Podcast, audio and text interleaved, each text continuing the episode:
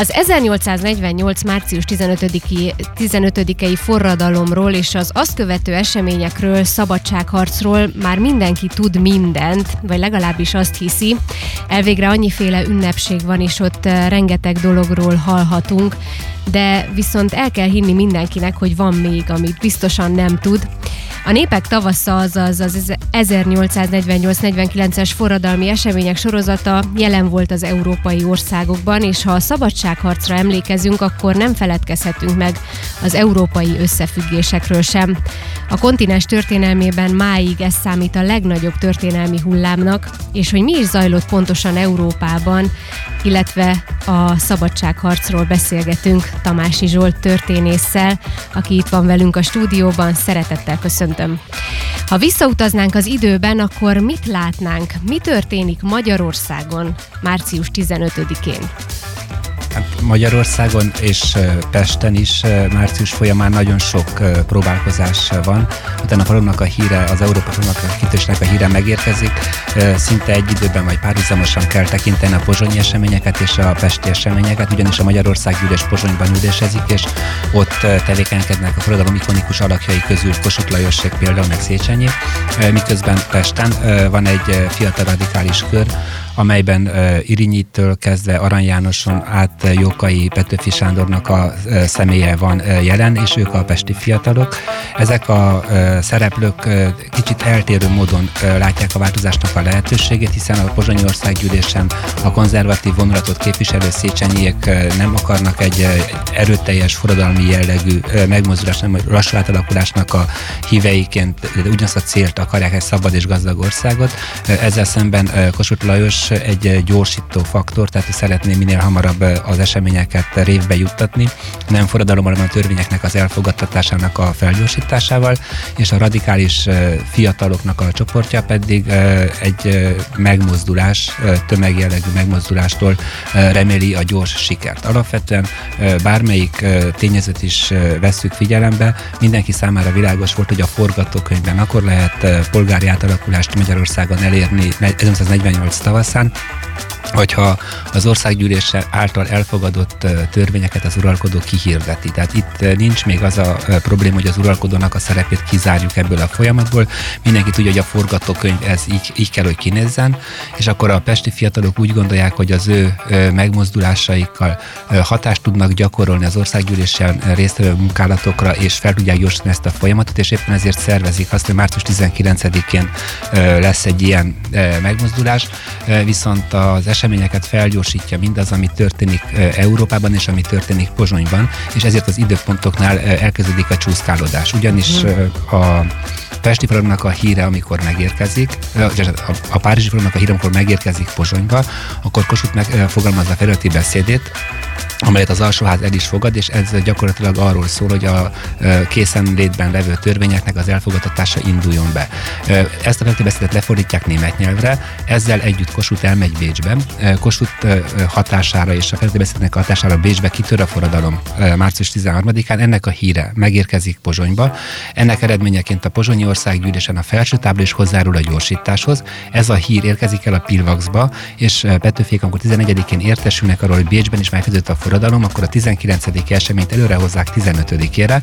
15 megmozdulás, Pesti megmozdulásnak a hatására pedig Pozsonyban is tudatosul, hogy az ő törekvéseik mögött van egy tömegbázis, és mert van tömegbázis, ezért a forradalmi törvények elfogadtatása is beindul. Párhuzamosan sikerül elérni március 17-én azt, hogy Batyánit kinevezzék felelős kormányfőnek, miniszterelnöknek, és a törvények vitájának az eredményeként sikerül elérni, hogy április 11-én az uralkodó szentesítse ezeket a törvényeket. Tehát itt gyakorlatilag a dátumok az időpontok egymásra vannak utalva, mert egyik a másikat generálja, és egyik se önmagába a legnagyobb esemény, viszont ebben az összefüggésben ezek együtt adják azt, hogy március közepén beindul, és április első felére véglegesítedik ez a polgári átalakulás, és éppen ezért nagyszerű ez, ami történik március idusán Magyarországon, akár Pozsonyban, akár Pécs, Pesten, akár a többi városokban, mert az addig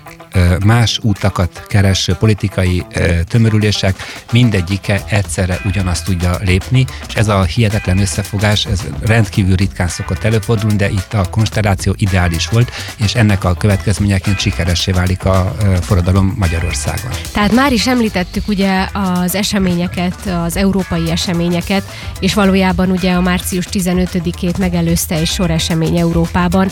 Melyik volt a legelső és hol, amiről a forradalom kapcsán beszélnünk kell? Hát mindenképpen a Párizsi, mert hogy a párizsi forradalom az, ami beindítja a mozgást a többi országban is, viszont ez a mozgás beindításánál azt is érdemes figyelembe venni, hogy akkoriban nem volt RDFM rádió, és nem volt más ehhez hasonló kommunikációs eszköz, amely reális időben tudta volna értesíteni az embereket, hogy éppen mi történik, és a távolságokat való le kellett küzdeni. Éppen ezért... Hogy is, hogy is juthatott el hozzájuk ilyen hamar, hogy minden egyszerre történik? Igen, erre van érdekes. egy elmélet, amely szerint ez a forradalom jól elő volt készítve, és csak az időpontot pontot várták, amikor lehet kirobbantani. Ugyanis ha érdemes megfigyelni azokat az átfedéseket, amelyek az európai forradalmak, a magyar forradalom között is megfigyelhetőek, és itt nem csak arra gondolok, hogy Párizs, Berlin, Bécs, Pest, Pozsony, hanem akár Havasalföld, vagy akár Jas, tehát mindegyik forradalomnak az esetében az van, hogy van egy hármas tagozódású kéréscsomag, a társadalmi, a gazdasági és a politikai kéréscsomag, amely tartalmában is nagyjából azonos egész Európában. A társadalmi kéri a polgári átalakulást, vagyis töröljék el a nemesi kiváltságokat és szabadítsák fel a jobbátságot, tehát legyen egyenrangú a polgári társadalom, szűnjenek, szűnjenek meg a feudális kiváltságos társadalmi rétegek, és mindenkinek azonos joga legyen például a politikai élet gyakorlására. A gazdasági ezzel nagyon szorosan összefügg, amely azt kéri, hogy a földeket osszák ki a felszabadított jobbágyoknak, és ez a földosztásnál az eltérések annyiban látszik, hogy ahol radikálisabb az elképzelés, ott kárpotlás nélküli földkiosztást igényelnek, ahol pedig moderáltabb, ott pedig kárpotlásos földkiosztásról van szó, ilyen a magyar forradalomnak az esete is például. A politikai kérdésemben pedig mindenütt megjelenik a nemzetállam létrehozásának az igénye, vagyis a középkori struktúrát, amikor a királynak van országa, nem pedig az országnak királya, most váltja az az elképzelés, hogy az országnak van a király, és ez az ország, mint nemzetállam akarja magát meghatározni, nem monarchia ellenesek ezek a forradalmak, tehát senki sem azt akarja, mi volt a nagy franc az idejében, amikor az uralkodót lefejezték, hogy az uralkodó ne, ne, ne, ne szerepeljen az eseményekben, hanem mindenki az uralkodóval való együttműködéstől reméli, hogy törvényes megoldás lesz az átalakulást meg lehet oldani. De most azon túl van ez a hármas kérés csomag, ami nagyon hasonlít egész Európában. Nagyon sok más olyan szempont van, amivel megint csak egybeesést találunk, az időzítés például. Nagyon fontos volt, hogy a Bécsi Szent Szövetségnek a rendszere azt tartalmazta, hogy ha valahol forradalom tör ki, az összes ország uralkodója segítségére kell siessen annak az ország uralkodójának, aki éppen egy forradalommal küzdik. Ha viszont sikerül Európában egyszerre kirobbantani a forradalmakat, akkor ez azt fogja eredményezni, hogy minden ország uralkodója egyedül marad a saját problémájával, és van esélye a forradalomra. És csak a magáéval tud foglalkozni. Pontosan, és ezért uh-huh. van az időzítés is, hogy tavasszal történjen ez az egész esemény sor. sorból igazából csak havasal földlók ki a nyári forradalmával, de az érthető, mert a havasalföldi forradalmárok éppen Párizsban vannak a forradalom ideje alatt, ott vesznek részt az eseményekbe, és onnan térve haza robbantják ki a havasalföldi forradalmat, és nem véletlen, hogy pont ezért a Párizsihoz hasonló nagyon radikális forradalom a mi térségünkben csak havasalföldön volt, ahol kikiáltják a köztársaságot már 1948 nyarán, miközben Magyarországon Kossuthék ehhez nem jutnak el csak 1949 tavaszán a trónfosztásnak a kinyilvánításával, a függetlenségi nyilatkozattal. Tehát, hogy ez az időzítés is azt mutatja, hogy van egy egységes szervezés. Amit megint csak az egységes szervezésre utal, hogy a szimbólum rendszerében is egységesen próbálnak, próbálják szervezni ezeket a forradalmakat. Mert Mint például? Kokárda, igen. mindenütt háromszínű kokárdák jelennek meg, nemzetszínű lobogók jelennek meg, ahol két színű volt például az osztrák Schwarzgerben, a fekete-sárga, ott is még egy piros színnel ezt kiegészítik. Ezen kívül, ami a szimbólumrendszernél nagyon fontos, megjelennek a nemzeti himnuszok. Mindenki felmelegít valamilyen himnuszt, a Marseille-t a franciák, mi a Rákóczi indulót, tehát ezek az indulók is jelzik azt, hogy egy olyan átalakulás történik, ahol szakítanak mindenféle olyan toposszal, ami a középkori feudális egyház által is meghatározott rituáliát jelenti a társadalmi ünnepeknek, és helyette egy laikus polgári jellegű liturgia jelenik meg, amelyben már ott vannak a hősök, ott vannak az első nagy szonokok, akiknek a tisztelete beindul, és ez az egész folyamat, mivel egész Európában egységesen ugyanaz a formában történik, mindez alapján a történészek alapvetően azt feltételezik, hogy a forradalomnak a kirobbantását megelőzte egy hosszas előkészítési folyamat, így 48 tavaszán csak a hírnek kellett eljutnia, hogy igen, elkezdődött, és akkor mindenütt is kezdődik, mert másként ilyen egységes népek tavasza hmm. nem lett volna lehetséges, ha megtörténjen 48 tavaszán. Hogyha már említettük ugye a nemzeti hősöket, bizonyára mindenkinek megvoltak a maga hősei, beszéljünk a mieinkről, hogy hogy kell elképzelnünk Petőfiéket, a nemzeti hősöket, és miért pont a Pilvaxban gyűltek össze ugye a márciusi ifjak, erről mit mondhatunk el? Hát a reformkor ideje alatt ez egy trendi volt volt a kávéházas találkozása a fiataloknak, ahol uh, nyilván megbeszéltek különböző politikai kérdéseket, ahol lehetőségük volt az országgyűlési értesítőket olvasni, tájékozódni a közéleti eseményekről, és a saját uh, törekvéseiket is előkészíteni. Ez egy társasági találkozó helyként van jelen, és éppen ezért rendszeresen látogatják is ezek a radikális fiatalok a különböző kávéházakat, köztük a Pilvaxot is. Azt, hogy most Petőfiék miért pont a Pilvaxba kötöttek ki, vagy miért volt ez a törzsejük, ez egy másik történet. Viszont ebben a korszaknak a hangulatában, a reformkori Magyarországnak legalábbis a hangulatában ott van az, hogy eltérően, ebben viszont sajátosak vagyunk mi magyarok, eltérően a többi európai országtól, ahol a politikai életet vívő emberek zárt csoportja tudta, hogy milyen változásokat készítenek elő. Magyarországon Kossuth Lajosnak sikerült a közkincsét tenni az országgyűlési munkálatokon elhangzott eseményeket, és éppen ezért nagyon intenzíven követte a radikális fiatalság is mindazt, amit Pozsonyban előkészítenek. Nyilván ez a fiataloknak a társasága nem rendelkezett akkora politikai képzettséggel, vagy akkora tárgyi tudással, hogy megértse jelentőségét minden pozsonyi törvénytervezetnek, ezért van az, hogy a 31 törvénycikkeiből, amit el fog fogadni a pozsonyi törvénykezés, valójában csak 11, amit Petőfiék áttesznek, a 12. a politikai folyóknak a szabadon bocsájtás az egyedüli olyan pont, ami csak Petőfiek 12 pontjában szerepel, és nem je, volt jelen az országgyűlési 31 törvénycikkeibe, tehát azt mondhatnánk most egy kicsit így leegyszerűsítve.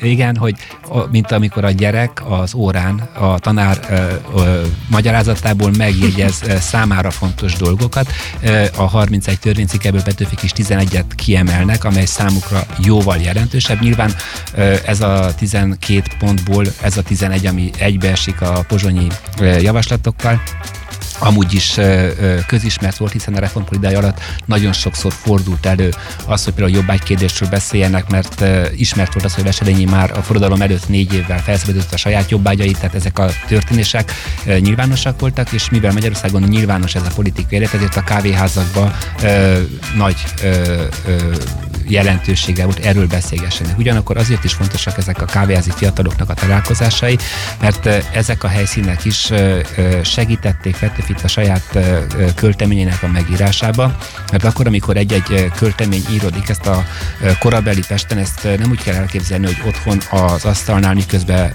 Szent Júlia varja neki a kokárdát. Nyugodt közben, környezetben. Nyugodtan ezt írja, uh-huh. hanem körül van véve emberekkel, és a bekiáltások, beszólások alapján is a hallgatóság igényeihez igazítva íródik meg maga a költemény. Például a talpra magyarnál tudjuk azt, hogy az első szöveg az, hogy rajta magyar, és a beszólás eredményeként talpra magyar, mert most van az idő, és akkor így egy ilyen nagyon interaktív és nagyon hangos környezet, amit napjainkban nehezen tudunk elképzelni, de ez akkoriban az országgyűlési munkálatokon is így volt, hogy az emberek kiadták magukból, amit éreztek, és mm. nem nyugodt, disputás jellegű rétori beszédeket kell elképzelni ebből a pedagógusból. Picit, mint a slam poetry, ugye? Igen, ez egy ilyen interaktív és ugyanakkor uh-huh. indulatokkal teli, olyannyira indulatokkal teli, hogy például a Magyarország gyűlés butorzatánál a leggyakrabban a székek törtek el, mert hogy időnként a, azt is felkapkodták, és vagy föltöz, vagy valóvá vágták, és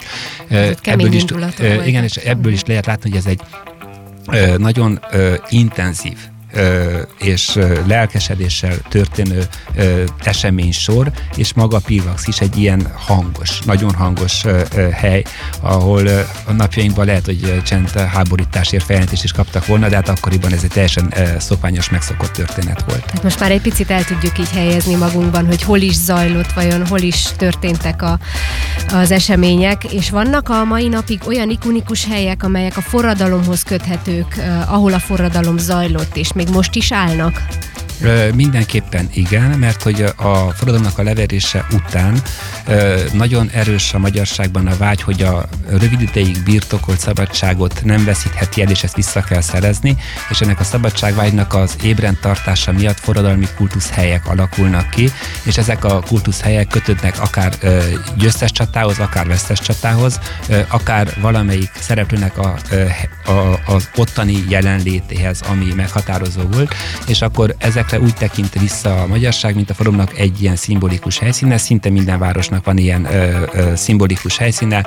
Például Kossuth ö, toborzó beszédet tartott valamelyik téren, akkor ott most Kossuth szobor áll. Ö, Magyarországon nyilván máshol az utolállamokban ö, nem igazán maradtak meg ezek a szobrok a ö, helyszíneiken, de ugyanígy a Nyergestetőn szimbolikus helyet találunk, Fehéregyházan szimbolikus helyet találunk, Pesten a múzeumkert szimbolikus hely, Táncsisnak a, a, a az a ház, ahol fogságban volt tartva, ugyanúgy szimbolikus hely, ezeket mindenütt emléktáblák, szobrok, dombormiak valami mindenképpen jelzi, és ezeknek a kultuszhelyeknek az ápolása a dualizmus ideje alatt válik erőteljesebbé, és egészítődik ki, hogy ezeken a szentnek nevezett liturgikus laikus liturgiában szentnek nevezett helyeket meg is jelölik valamivel, szoborral, oszloppal, emléktáblával, bármivel, azért, hogy a lakosságban fenn lehessen tartani azt a tudatot, hogy a szabadságért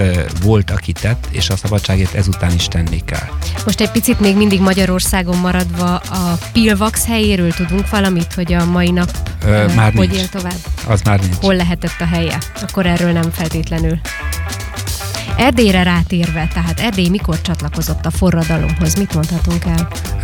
Szinte azonnal, tehát a forradalomnak a híre, ami a pesti események, ami történt, ez nagyon gyorsan napokon belül érkezik el előbb Kolozsvára, vagy Marosvásárhelyre. Marosvásárhelyről az itt tevékenykedő táblabírók meg joghallgatóknak a segítségével gyorsan elmegy a Székelyföldre. Gyakorlatilag március 22-23 és április 5-e között a forradalomnak a híre bejárja teljes Erdélyt egy kettős problémával találkozunk, ugyanis van egy óriási lelkesedés, és Kossuth és Petőfi egyszerre történő ünneplése mellett egy erős forradalmi hangulattal találkozunk, unióversek íródnak, Marosvásárhelyen és Úrházi György, ugyanúgy Kolozsváron is ezek a folyamatok lezajlanak. Párhuzamosan pedig ott van az a gond, hogy Erdély, mint külön nagy fejedelemség tartozik az osztrák uralkodóházhoz, és éppen ezért, amíg a pozsonyi törvényben is megjelenő, és a 12 pontban is megjelenő Unió Erdélyel nem valósul meg, addig a forradalmi törvények Erdélyben nem érvényesek. Éppen ezért itt egy nehéz ö, döntési helyzetbe kerülnek intézményvezetők főleg, hogy például a kokárdát lehet vagy nem lehet használni. Egy eset például az udvarhelyi iskolába, amikor értesülnek a forradalmi eseményekről, a tanári gyűlés azt a döntést hozza, hogy egyelőre még a kokárda viselésével várni kell, mert hogy a piros-fehér-zöld az Magyarországnak a színe, Erdélynek még a fekete-sárga a színe, mert az osztrák császári házhoz tartozik, és amíg az unió nem valósul meg, addig a kokárdát inkább egy kicsit ne használják, mire az egyik diák, aki egy rendkívül lelkes forradalmi hangulatában mégis felteszi a kokárdát, Betlenfalvi Pál Sándornak hívják a legényt, aki az aligazgatótól olyan verést kapott, hogy az orvosi látlelet szerint fejsérülés, jobbkéz eldagadás, hüvelykűtörés és balkéz bőrlehorsorodás is megfigyelhető, és akkor, amikor ebben a hangulatban kiment a zászlósgyűlésbe, akkor a fiatalok megrohanták az iskolát, valahogy elmenekítették az elkövetőt, de óriási fejetlenség lett ebből. Ehhez hasonló Csíkszeredában. Forradalom a forradalom. Igen, amikor Csíkszeredában például a katonaság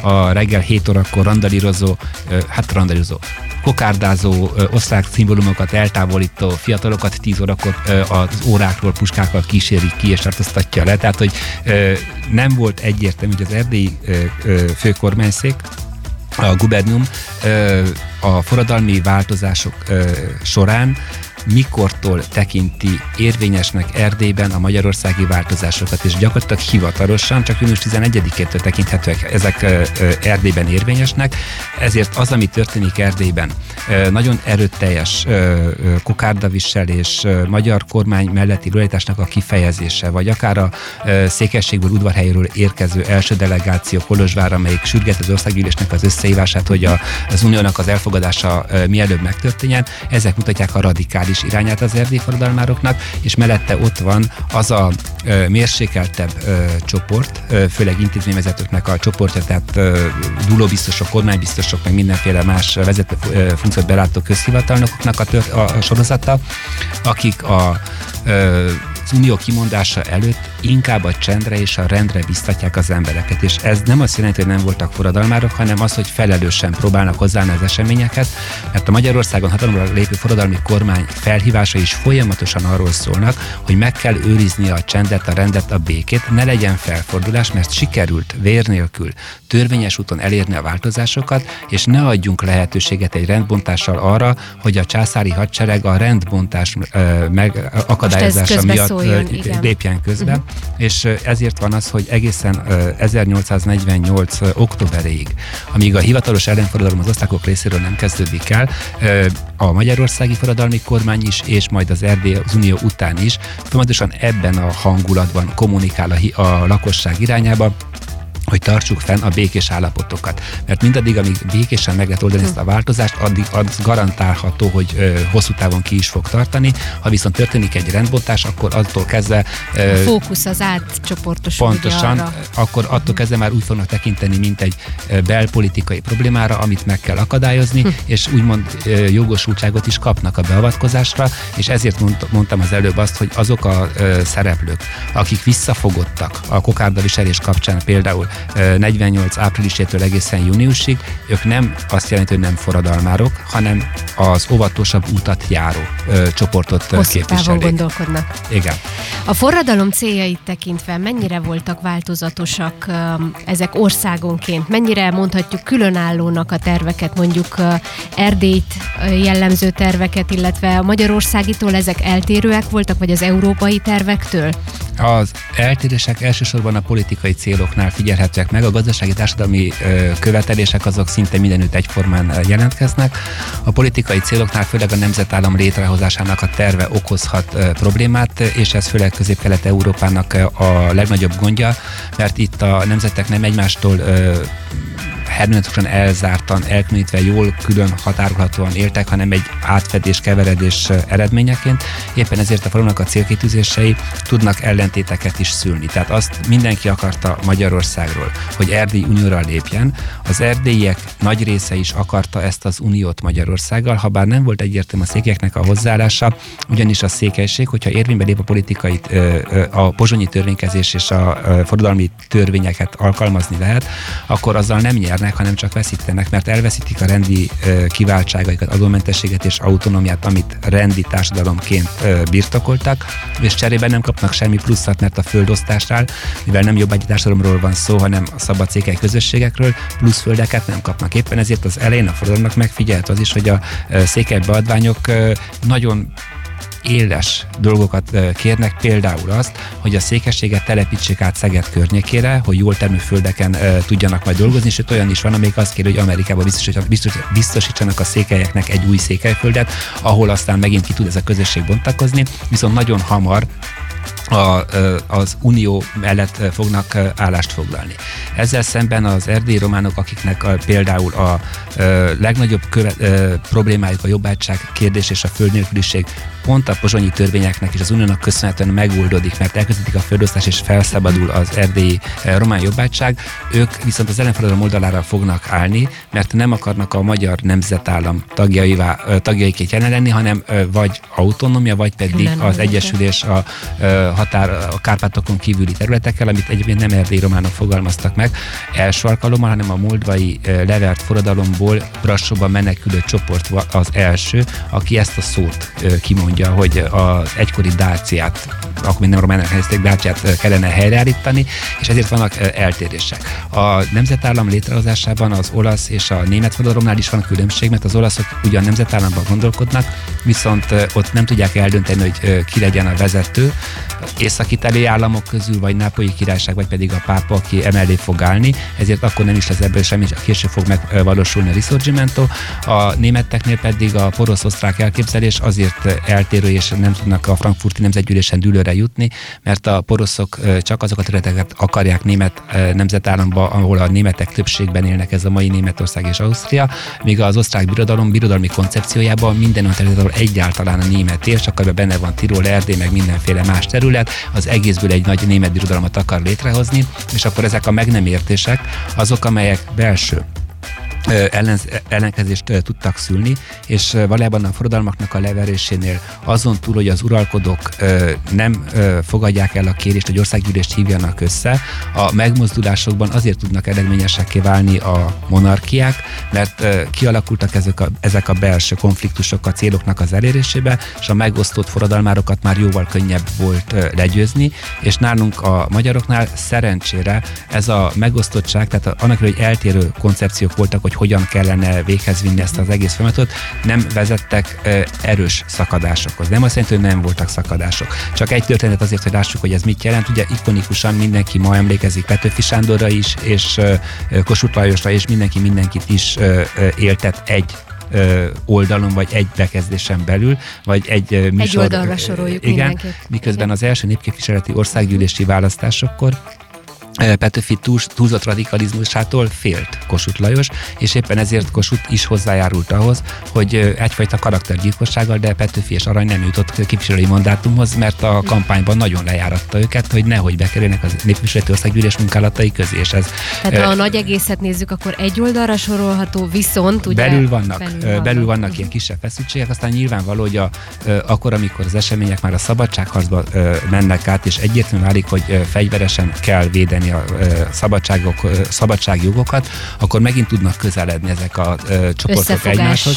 Jellemzi. Ez úgy tűnik egy magyar jellemző, hogy amikor uh-huh. rendben van és béke van és csend van, akkor gyorsan kapunk magunk között belső ellenséget, akivel eltöltjük az időt, hogy Igen. vitázzunk, amikor pedig baj van, akkor összezárunk amikor és elfelejtjük a sérelmeket. Igen, Így van. Akkor összefogás van. Ugye egyszerre tört ki a forradalom, ezt is mondhatjuk, illetve mindenkinek megvoltak a maga céljai. Kíváncsi lennék, hogy az eredmények tekintetében tekintetében, mindaz, amiért harcoltak, amilyen célokat kitűztek. Mennyiben különbözik a megvalósítás országonként, hogy kinek ez mennyire sikerült? Ö, időben van inkább eltérés. Ö, alapvetően a 48-as célok ö, leg lényegi része a polgári átalakulásnak a biztosítása. Ez a polgári átalakulás Európa, Európa szerte megtörtént, tehát a feudális rendszer véget ért.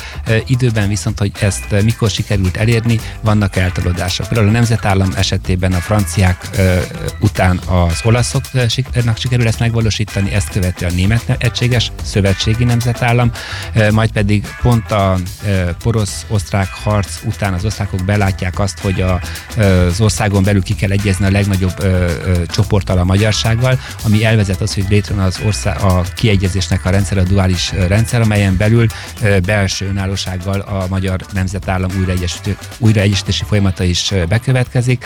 Tehát a célkitűzések alapvetően ö, sikerültek, ö, és 1800 50-es évektől a 70-es évig tart az az időszak, amikor szép sorba a különböző időpontokban révbe érnek ezek az elképzelések, és ehhez köthető az az ismert mondás, hogy nem engedünk a 48-ból, tehát a Igen. magyar forradalmi résztvevők, illetve nem csak a forradalmárok, hanem úgy alapvetően a magyarság 49-es világosi fegyveretétel után se engedett a 48-ból, és ez a kitartás vezet el ahhoz, hogy a dualizmus ideje alatt a pozsonyi törvényekben fogalmazottak maradéktalan megvalósulására sor is kerülhetett.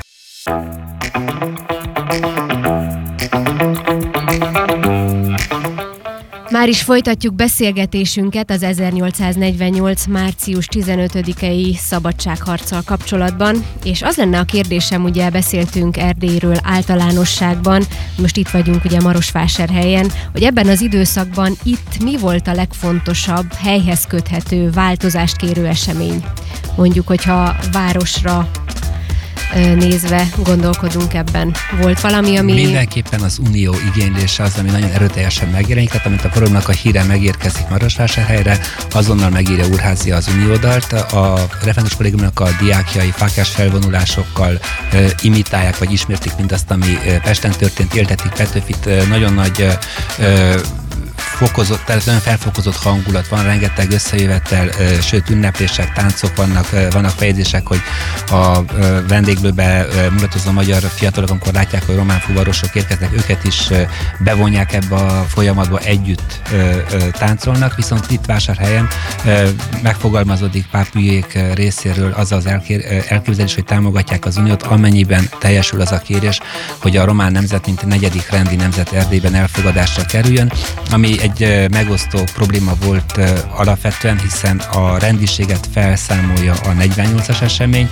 és ők azt kérik, hogy a felszámolt rendiségen belüli negyedik rendi nemzetté váljon, és ezt nem értett egyáltalán a magyar kormány, ezért ezt a kérést nem teljesítve valamilyen szinten rásegített arra, hogy az ellentáborba csúszon át az erdélyi románság, és akkor itt Marosvásárhelyen kezdődik a lelkesítése Berzenceinek, aki a szabad huszár ezrednek a szervezésére kapott engedélyt még mint az Unió megtörtént volna, és éppen ezért az első népgyűlések, amelyeket most tartanak, ilyen szempontból sikeresek.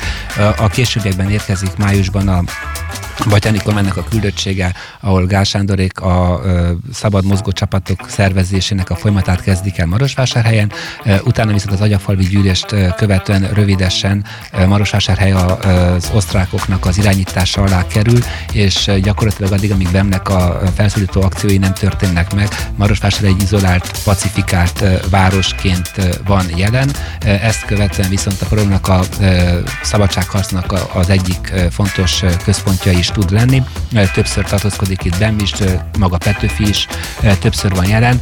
Nagyon lelkes forradalmárokról vannak információink. Most anélkül, hogy az egészet mondok egy extrém szélsőséges példát. Andrási Rafael Ferences házfőnök is annyira forradalmár, hogy a 49-ben a leverése után életét mentve, mivel halálos parancsot, halálos ítéletre vezet ítélethez vezethető elfogadási parancsot kellene menekülnie kellett. Azért azért tudja menteni, tehát hogy a Ferences szerzetes főnök is ö, forradalmár itt Marosvásárhelyen, tehát egy nagyon ö, lelkes csapatról van szó, egy rövid ideig pacifikált ö, helyzettel, tehát egy, ö, ami alatt az osztrák megszállás ö, miatt nem igazán vannak ö, forradalmi ö, megmozdulások. Nagyon sok mindenről tudnánk még beszélni szerintem a szabadságharc kapcsán, nem lenne elég az egész műsoridő, úgyhogy uh, muszáj lesz lemondani bizonyos dolgokról, viszont beszéljünk arról, hogy ugye egész Erdély ünnepel március 15-én, és engedjük el a történész urat is, hiszen különböző helyeken megjelenései vannak. Esetleg ezek közül párat megemlíthetünk mi is, hogy hol lesznek, hol gyülekeznek az emberek, hol ünnepelnek. Tehát amiről én tudok, mert valamelyik az iskola révén is, is érintett vagyok, az, hogy... És főként Marosvásárhelyen. Főként Marosvásárhelyen nyilván, hogy lesz a katolikus templomban egy órától egy szertartás, amely forradalmi megemlékezéssel is kapcsolatos. Két órától a Petőfi szobornál a magyar diákok három iskola bolyai, ahhoz tartozik most a Rákóczi és plusz Refátus Kollégium és Művészeti Létszom diákjai műsora, műsorában emlékeznek meg a forradalomról. Délután a postaréten a hagyományos négy adatok kezdődő ünnepi megemlékezés fog következni, majd könyvvizsgálati díjátadás, majd Csíkzenekart koncert a Kultúrpalottába, illetve szombaton délelőtt a Kultúrpalotta kistermében egy tudományos konferencia ülésszaka lesz, amire egy, ami nyitott nyilván a hallgatók számára is, ahova történészek, egyház történészek és irodalom történész is van meghívva. Forradalom kitörésének az évfordulója, a Marosszéki, Marosvásárhelyi kérdések, illetve Petőfinek a szerepe kapcsán elhangzó lesznek 9 egészen egy óráig. Ezek, amelyek a közeljövőben itt a közeljövőben fognak következni, illetve ma este az RDT-ben a Forum 248-at is megtekintheti az, a, aki nem jut el más fizikai jelenlétet igénylő helyszínre. Bővebben be fogunk számolni a következő órában, hogy Erdély szerte hol és miként ünnepelnek a mai napon. Köszönöm szépen Tamási Zsolt történésznek a beszélgetést, és remélem, hogy számotokra is hasznos volt ez az elmúlt közel egy óra, de hát még mindig nem hagytunk olyan dolgokat, amit majd jövőben is meg tudunk tárgyalni. Köszönöm szépen a meghívást.